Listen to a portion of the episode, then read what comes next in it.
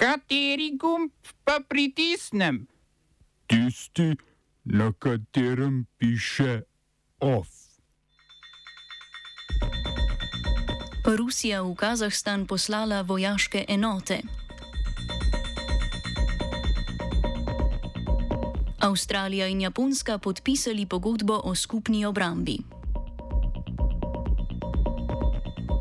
ZDA uvedle sankcije proti Miloradu Dodiku.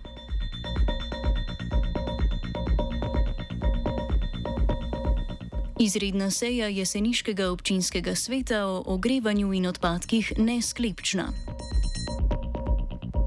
V kulturnih novicah, zakaj bi sploh kdo pisal radijske igre?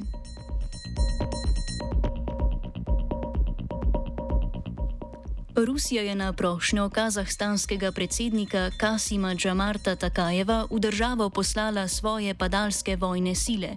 Predsednik je prevzel tudi vodnjenje varnostnega sveta, v državi pa so razglasili izredne razmere. Varnostni svet je do včeraj vodil dolgoletni kazahstanski predsednik Nursultan Nazarbajev, ki je tudi glavna tarča nezadovoljstva protestnikov. Povod za proteste so bile više cene utekočinjenega plina, ki je glavno povonsko pogonsko gorivo prebivalcev zahodne pro province Mangistav, kjer so se protesti tudi začeli. Kasim Džamart Takajev je sprejel odstop vlade.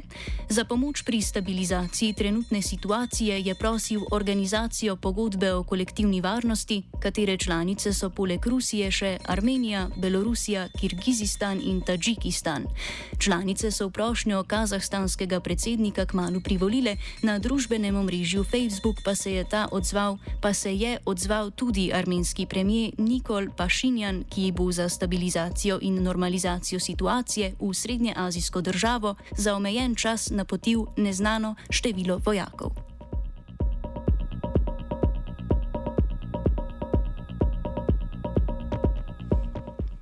Avstralija in Japonska sta podpisali pogodbo o skupni obrambi, ki so jo poimenovali dogovor o vzajemnem dostopu.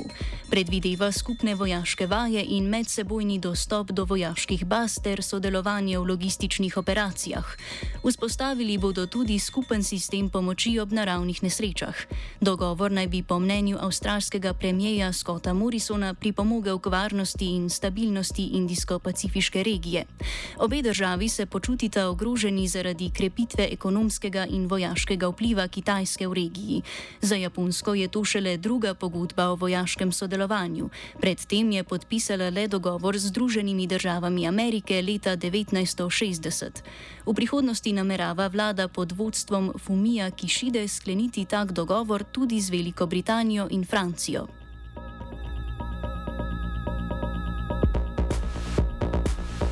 Avstralsko sodišče je odločilo, da Novak Džukovič do ponedeljka ne bo deportiran iz države, potem ko mu je mejna policija zaradi neizkazovanja cepilnega potrdila zavrnila vizo in ga poslala v samo izolacijo pod policijskim nadzorom. Džukovič, ki je na odprtem turnirju Avstralije slavil devetkrat, je že v preteklosti javno izrazil svoje nestrinjanje s cepljenjem. Ob vstopu v državo naj bi imel potrebno medicinsko potrdilo, ki bi mu omogočalo nastop na turnirju čeprav ni predložil potrdila o cepljenju, ki je obvezno za vstop v Avstralijo.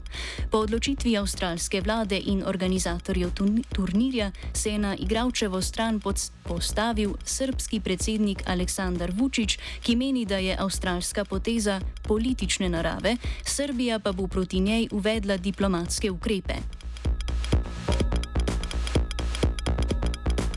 Sankcije pa so že uvedle Združene države Amerike in sicer proti voditelju bosanskih Srbov Miloradu Dodiku in televizijski mreži Alternativna televizija, ki je v lasti podjetja Dodikovega sina Igorja.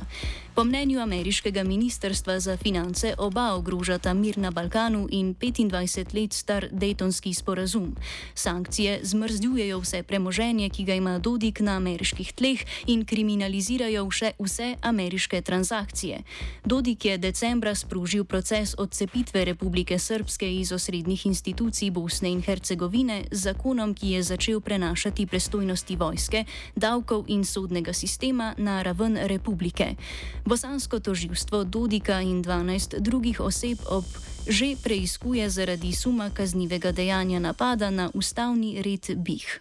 Oba, če, če bom odgovoril na angliški.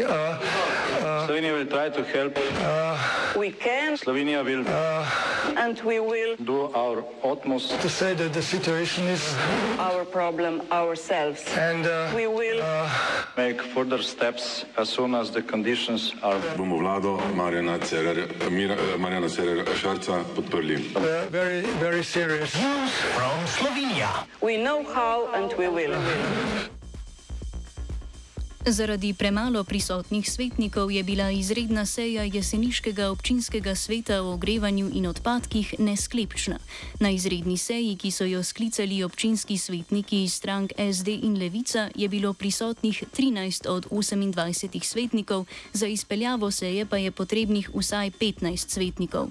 Sejo so sklicali zaradi rasti cene stroškov ogrevanja in tople vode, ki so se zvišale predvsem za tiste prebivalce jesenic, ki živijo v blokih z daljinskim ogrevanjem, kamor jim energijo pod koncesijo dobavlja podjetje Enos OTE. Poleg rasti cene energentov so svetniki sklicali sejo tudi zaradi večletnega smradu, ki prihaja z odlagališča odpadkov na Mali Mežakli, začasno rešitev pa sklicatelji seje vidijo med drugim v občinskih subvencijah in znižanju stroškov prek proizvodnje elektrike in ogrevanja z deponijskim plinom. Kot pove župan Blaž Račič, je sklicu izredne seje nasprotoval, saj naj bi se s to tematiko ukvarjali v okviru rednih sej, vodstvo občine pa že išče rešitve. Vprašanje visokih cen ogrevanja za občane, ki se s toploto oskrbujejo preko sistema daljinskega ogrevanja, je v občini Jesenice pereče vprašanje. Občani so nas na začetku decembra seznanili, da so se številni med njimi znašli v precejšnji finančni stiski. Na njihove zahteve in predloge smo že podali obširna pojasnila, ki so objavljena tudi na spletni strani občine Jesenice. Zavedamo se negotovih razmer na mednarodnih trgih energentov, ki v nebo dvigujejo nabavne cene plina, kar je povzročilo tudi dvig cen daljinskega ogrevanja v občini Jesenice. Občinski upravi temu vprašanju posvečamo vso nujno pozornost in ga upravnavamo z največjo skrbnostjo. Naša prizadevanja razume in podpira tudi večina občinskih svetnic in svetnikov. S koncesionarjem, podjetjem Eno Sote, smo že pred časom dosegli dogovor za znižanje variabilnega dela cene ogrevanja za 15 evrov na megavatno uro. V proračunu za letošnje leto smo mogli dodatno zagotoviti 190 tisoč evrov za kriti višjih stroškov ogrevanja v vrtcih, šolah, javnih zavodih. Prihodnji teden se bomo sestali s predstavniki koncesionarja, torej podjetja Eno Sote, družbe Sija Kroni ter inštituta Jožef Štefan in se pogovorili o možnostih ogrevanja stanovanjskih objektov v občini z izrabo odvečne toplote, ki nastane v proizvodnem procesu družbe Sija Kroni. Izraba drugih lokalnih virov energije, kot je denimo odpadni plin z odlagališča Mala Mežakla, ekonomsko ni utemeljena. Enostranska sodna prekinitev veljavne koncesijske pogodbe s podjetjem Enosote, ki je bila leta 2014 sklenjena za 25 let in torej velja še do leta 2039, bi bila za občane jesenic finančno prezahtevna in neracionalna. Občina bi namreč morala med drugim koncesionarju povrniti revalorizirana, neamortizirana vlaganja, nastalo dejansko škoden in izgubljeni dobiček, hkrati bi to lahko ogrozilo obstoj sistema daljinskega ogrevanja. Še naprej bomo z različnimi deležniki aktivno iskali rešitve, s katerimi bi lahko umilili stiske naših občanov. Občina Ajdovščina je sprejela nov občinski prostorski načrt, ki bo začel veljati marca. Ajdovščina je začela pripravljati prostorski načrt že leta 2006, končni osnutek pa je bil sprejet leta 2016. Temu je sledilo pridobivanje in usklajevanje mnen nosilcev urejen, urejanja prostora in pridobivanje dovoljenja Ministrstva za okolje in prostor. Akti v novem prostorskem načrtu dovoljujejo gradnjo nezahtevnih in enostavnih objektov za potrebe kmetijstva zunaj poselitvenih območij. Za prebivalce Ajdovščine pomeni nov prostorski načrt tudi lažji dostop do podatkov, ki so po novem digitalizirani in natančno določeni že za, za posamezne parcele. Na Ajdovski občini še dopolnjujejo, da prostorski načrt zaradi gradnje enostavnih in nezahtevnih objektov ne pomeni spremembe kmetijskih zemljišč v stavbna, še posebej, če so na območju nepozidana stavbna zemljišča. Ovsta pripravili vajenka Magdalena in Lucija.